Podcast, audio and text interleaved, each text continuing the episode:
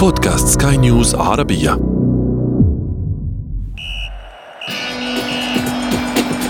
أثير الكرة.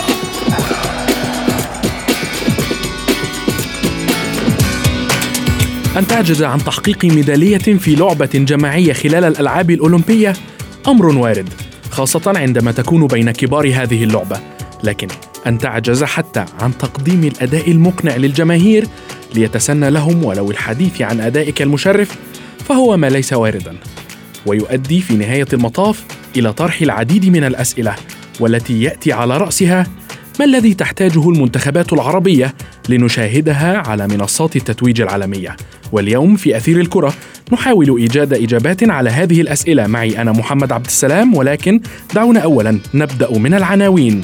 خيبة أمل كبيرة بعد نتائج المنتخبات العربية في طوكيو 2020 بعد نتائج المنتخبات العربية في الأولمبياد هل ما زال أمامنا الكثير لتحقيق الإنجازات؟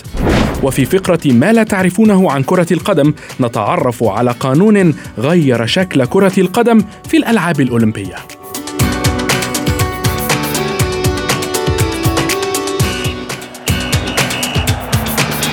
أثير الكرة.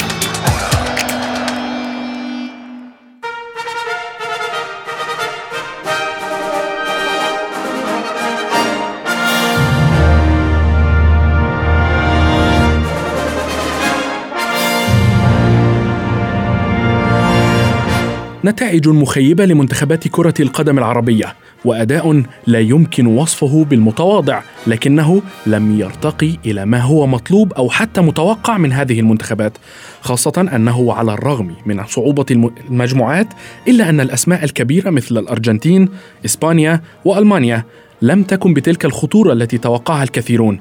أسئلة كثيرة وعلامات استفهام تحوم حول كل هذا. دعونا نناقشها مع ضيفي الصحفي الرياضي منصور الجبارتي والصحفي الرياضي أسامة الشيخ. أستاذ منصور دعني أبدأ معك. السؤال الرئيسي اليوم هو ما السبب وراء هذا الأداء والنتائج للمنتخبات العربية في أولمبياد طوكيو؟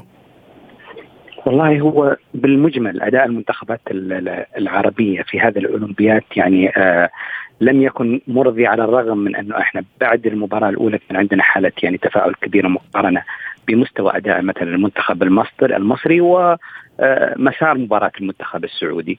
ولكن للأسف الشديد يعني آه، وصلنا إلى إلى نقطة أو إلى سؤال آه، أنا إلى الآن يعني حضرت أولمبياد كثيرة ما يعني بعد كل أولمبياد يقال هذا السؤال على الألعاب الجماعية وعلى الألعاب الفردية. ونعيد ونكرر هذا السؤال مرة أخرى في الأولمبياد التي يلي. أعتقد إنه يعني نحتاج إلى عمل كبير عمل متراكم آه، ما يحصل عليه الآخرون هو عمل يعني تراكمي على مدى سنين. آه، كثيره نحتاج في الوطن العربي إلى أن نقدم عمل مماثل. وأيضا أعتقد إنه يعني في هذا الأولمبياد بالذات كان أمامنا يعني فرصة تاريخية. يعني شاهدنا المنتخب المصري مثلا أمام المنتخب الإسباني قدم مباراة كبيرة. ولكن لأن المنتخبات العربية أو اللاعب العربي لاعب تؤثر فيه الحالة النفسية إلى درجة آه، كبيرة شاهدنا المباراه الثانية أداء يعني أقل بكثير من أداء المباراة الأولى، المنتخب السعودي خسر أمام منتخب 10 لاعبين. آه، كان يعني الوضع أفضل بالنسبة له يعني في النصف الأول وكان من الممكن أن يقدم كثيرا. ولكن يبدو لي أيضا أن الناحية النفسية أو النزعة النفسية العالية لم تكن آه، متوفرة بالدرجة الكافية. أيضا ربما الخبره الفنية يعني للمدرب ربما خذلته في هذه المباراة تحديدا. نعم كابتن أسامة آه، آه، ما هو رأيك أيضا في هذا الأداء والنتائج بالنسبة للمنتخبات العربية؟ أولا أهلا بك وأهلا بالصديق العزيز منصور الجبارتي وبالسادة المستمعين. آه زي ما قال أخويا منصور هو طبعا سؤال متكرر. يعني حافظناه يمكن في الأولمبياد أكثر من كأس العالم أكثر من أي من أكثر من أي بطولة أو منافسة ثانية للأسف موضوع الأولمبياد ده موضوع ثقافة موضوع آه، فعلا تراكمي إن وفي جزء أساسي مهم جدا وهو التخطيط. إنك أنت إزاي تخطط فيها كل أربع سنين أنت إزاي إن أنت بتنهي دورة أولمبية إلى حد ما إلى حد كبير باستثناء بعض الميداليات اللي بتيجي وبتكون في ألعاب فردية بشكل أنا مش عايز أقول بتبقى عفوي ولكن بشكل بيكون مش مخطط له يعني امبارح ميداليه ذهبية في السباحة من شاب تونسي الحناوي 18 إيه، سنة. كان مفاجأة سعيدة جدا. بس هل المفاجأة دي أنا كنت بخطط لها؟ ان الحناوي هياخد أنا يعني أنا ما كنتش سمعت اسمه قبلها إن هو ممكن ياخد حاجة زي كده. فبالتالي الأولمبياد دي قصة كبيرة ملف كبير لازم يكون في أساسا يعني يكون في أول ما تنتهي الدورة الأولمبية أنا بلاقي حد هل في دولة بتراجع بعد كده بتشوف هي عملت إيه وما عملتش إيه وبتستعد للأربع سنين الجايين؟ لا إحنا بنستعد بالكلام وبنستعد بإن إحنا إيه إن شاء الله الدورة اللي جاية هتكون أحسن وإحنا من دلوقتي هنعمل مش عارف مدرسة إعداد الأبطال وإعداد الرياضيين ونقعد نسمع شوية مش عايز أقول اختراعات وكلام ما بيتنفذش ولا بيترصد له ميزانيات ولا أي شيء اتحادات في اتحادات كثيره بغض النظر عن اتحادات كرة القدم بتلاقيها يعني بتعاني في الإعداد بتعاني في إنها حتى إنها في في في, في نشاطها المحلي حتى عندها مشاكل كبيرة يعني. نعم. فبالتالي الحصاد أنا أعتقد بقدر العطاء وبقدر الاهتمام. نعم. لو بتتكلم على يعني على الألعاب الجماعية الألعاب الجماعية يمكن الوضع مختلف شوية. المفروض ان وبالذات كرة القدم إحنا عندنا فيها جزء اهتمام كبير.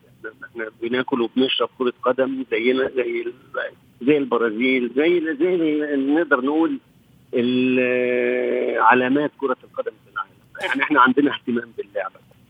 وبالذات المفروض الأولمبياد وضعه غير كأس العالم. يعني أنا لو لو منتخب مصر أو منتخب السعودية راح كأس العالم وما حققش نتائج زي ما حصل في روسيا 18 أنا ما أقدرش أتكلم قوي لأن ده صراع بين مدارس كرويه كبيرة وبين وفي وسيستم واحتراف فما أقدرش أتكلم إنه بيبقى اللعيبة واصلة لمرحلة نضوج. إنما أنا في, الأولمبياد المفروض إن أنا عندي فرصة أكبر في مرحله إن هي بلعب مع منتخبات 23 سنة ومطعمه بثلاث لعيبة كبار. نعم كابتن أسامة. آه وبالتالي فالمنافسة بتكون يعني ممكن وردة. يعني أنت عارف إحنا يعني اللعيبة اللي في المرحلة دي ما بيكونش عندها ما خدتش يعني ما عندهاش الخبرة الكبيرة وبالتالي معظم المنتخبات بتبقى متساوية في الحضور. أثير الكرة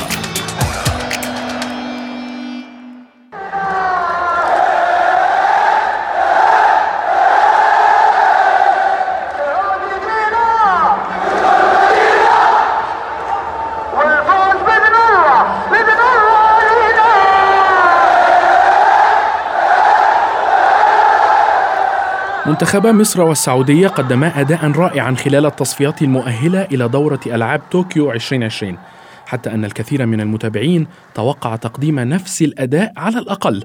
بالإضافة إلى نتائج جيدة وهذا ما لم يحدث مطلقا. نتابع الحديث مع ضيفي الصحفيين الرياضيين منصور الجبرتي وأسامة الشيخ.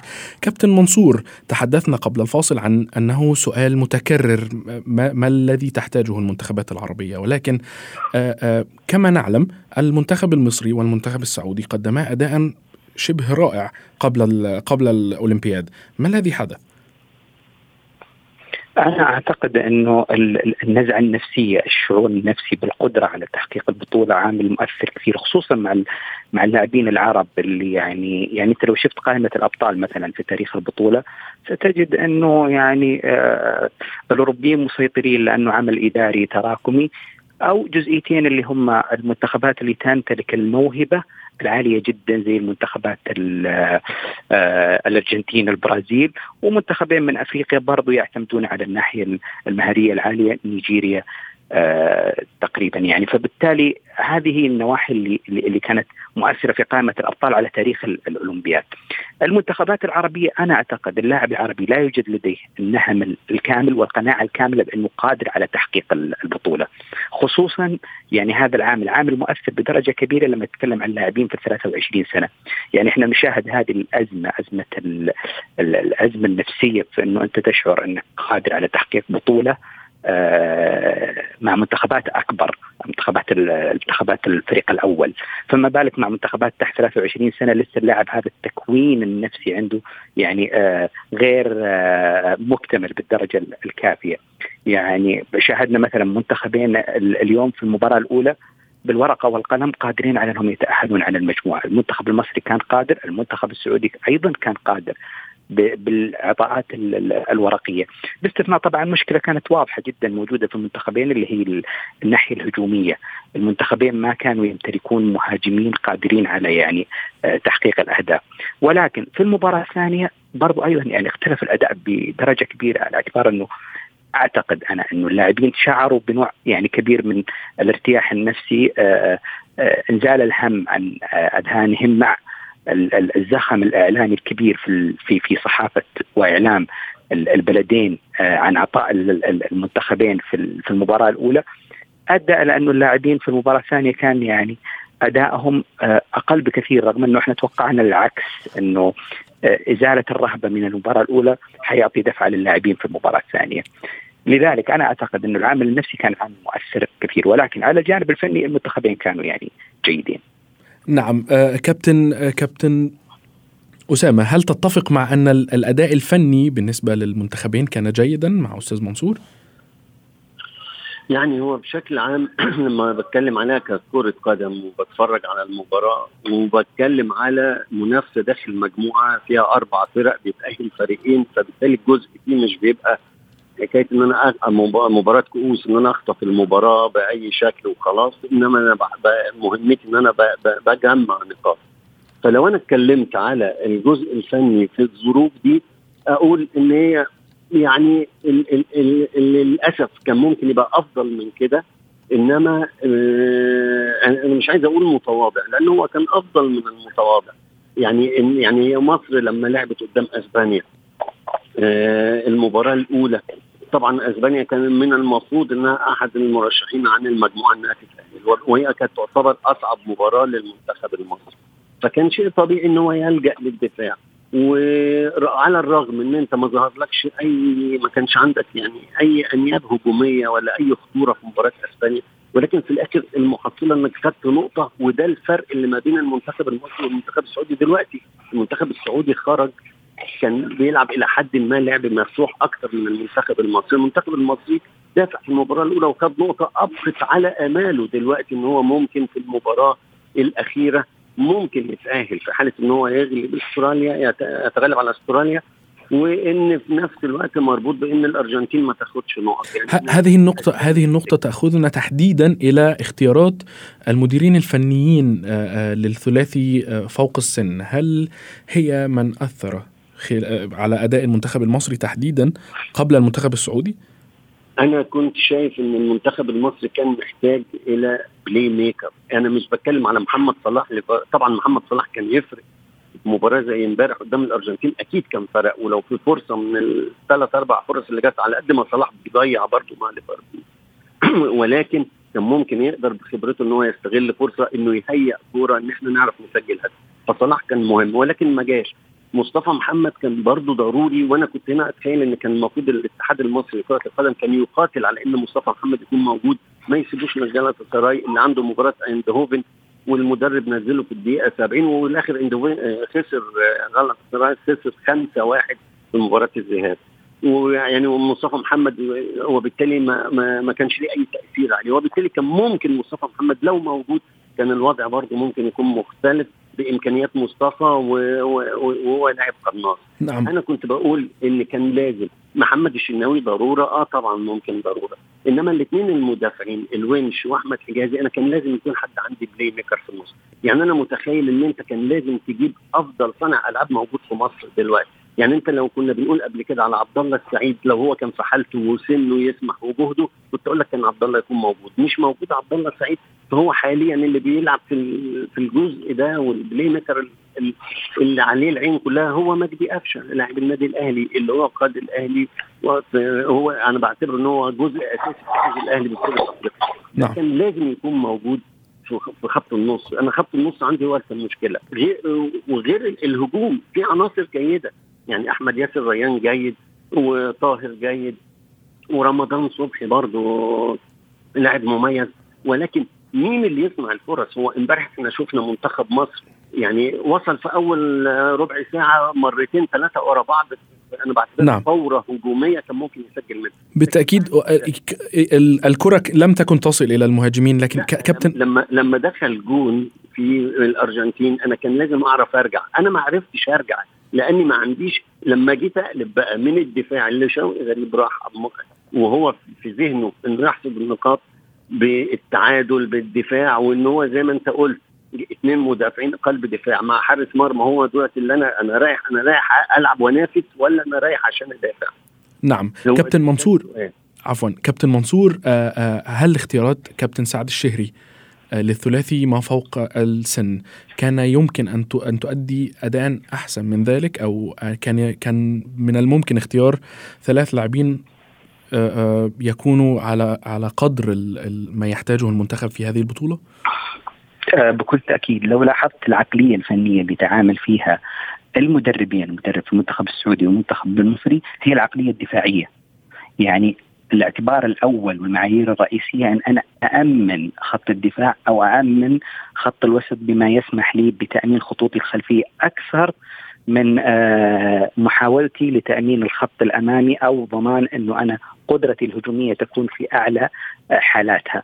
هذه العقلية عند مدربي المنتخبين أثرت كثير على يعني آه، قدراتهم في تحقيق يعني فوز أو كسب نقاط بشكل أكبر. آه، ويمكن هذا بان في المنتخب السعودي. يعني مثلا أنا ليش آخذ في المنتخب السعودي ظهير آه، أيسر؟ أنا كان ممكن آخذ مثلا لاعب مهاجم. خصوصا إن المهاجمين الموجودين عندي ليسوا في أحسن عطاءاتهم أو ليسوا من أفضل الموجودين في الساعة. فبالتالي كان عندي خانة هنا كان ممكن أحط فيها أكثر أكثر من لاعب. لذلك هذه العقلية الدفاعية عقلية تأمين إنه أنا أخرج من المباريات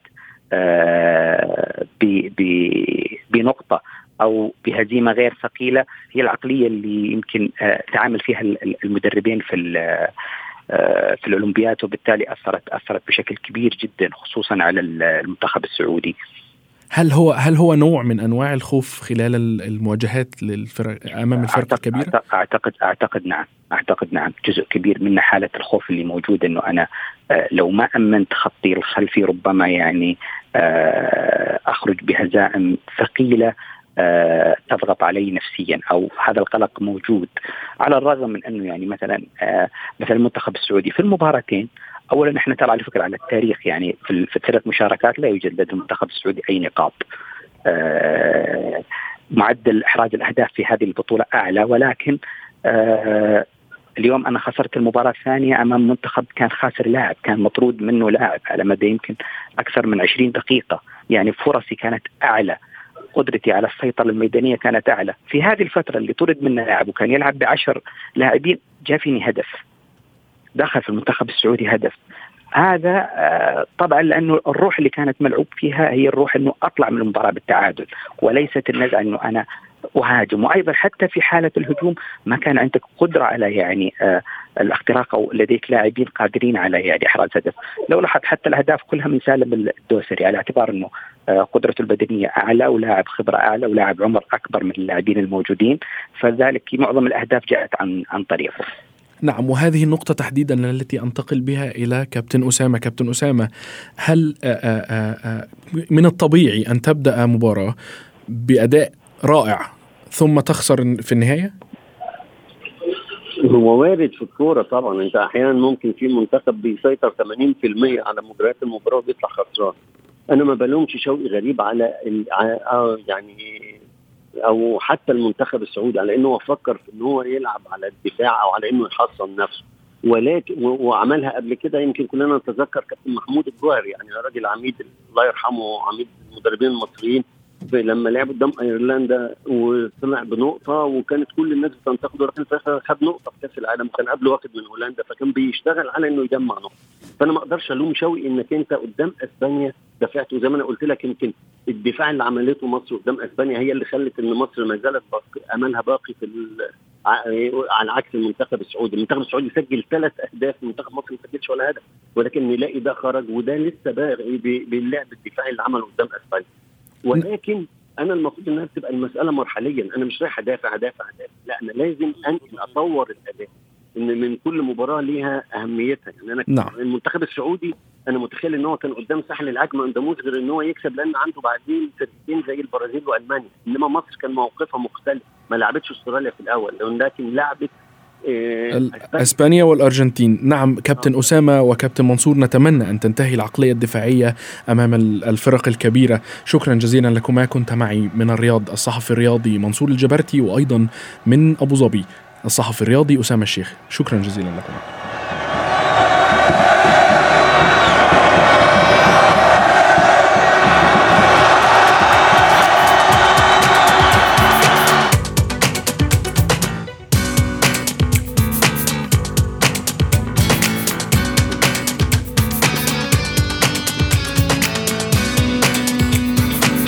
وصلنا إلى فقرة ما لا تعرفونه عن كرة القدم.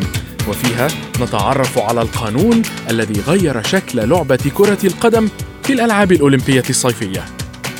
فمع بداية الأولمبياد عام 1900 كانت كرة القدم إحدى الألعاب الأساسية خلال الدورة.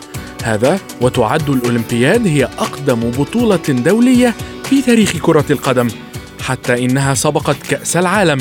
ولكن مع انطلاق أول بطولة لكأس العالم برعاية الاتحاد الدولي لكرة القدم فيفا خرجت الساحرة المستديرة من دورات الألعاب الأولمبية وذلك احتجاجا على إقامة المونديال عام 1930 لكنها لم تغب كثيرا ثم عادت ساحرتنا من جديد في أولمبياد برلين عام 36 وحيث إن المنتخبات كانت تشارك بالفرق الأساسية لديها. جاء العام 1970 بقانون صادم. فقد أصدر الاتحاد الدولي لكرة القدم قانونا يمنع اللاعبين المشاركين في كأس العالم من المشاركة في دورة الألعاب. فكانت ضربة قوية لأن هذه المنتخبات لم يكن لديها فرق أخرى للمشاركة. وفي العام 92 انتهت هذه الأزمة بعد اعتماد مشاركة المنتخبات بالفرق تحت سن 23 وتوصلت اللجنة الأولمبية الدولية إلى اتفاق مع فيفا بالسماح بثلاثة لاعبين فوق السن للمشاركة في الأولمبياد شريطة أن لا يشاركوا في التصفيات المؤهلة لها. وبدأ تطبيق هذا القرار في أولمبياد أتلانتا الأمريكية عام 96 بهذا نكون قد وصلنا وإياكم إلى صافرة النهاية لحلقة اليوم. انتظرونا في حلقات جديدة. كنت معكم أنا محمد عبد السلام. إلى اللقاء.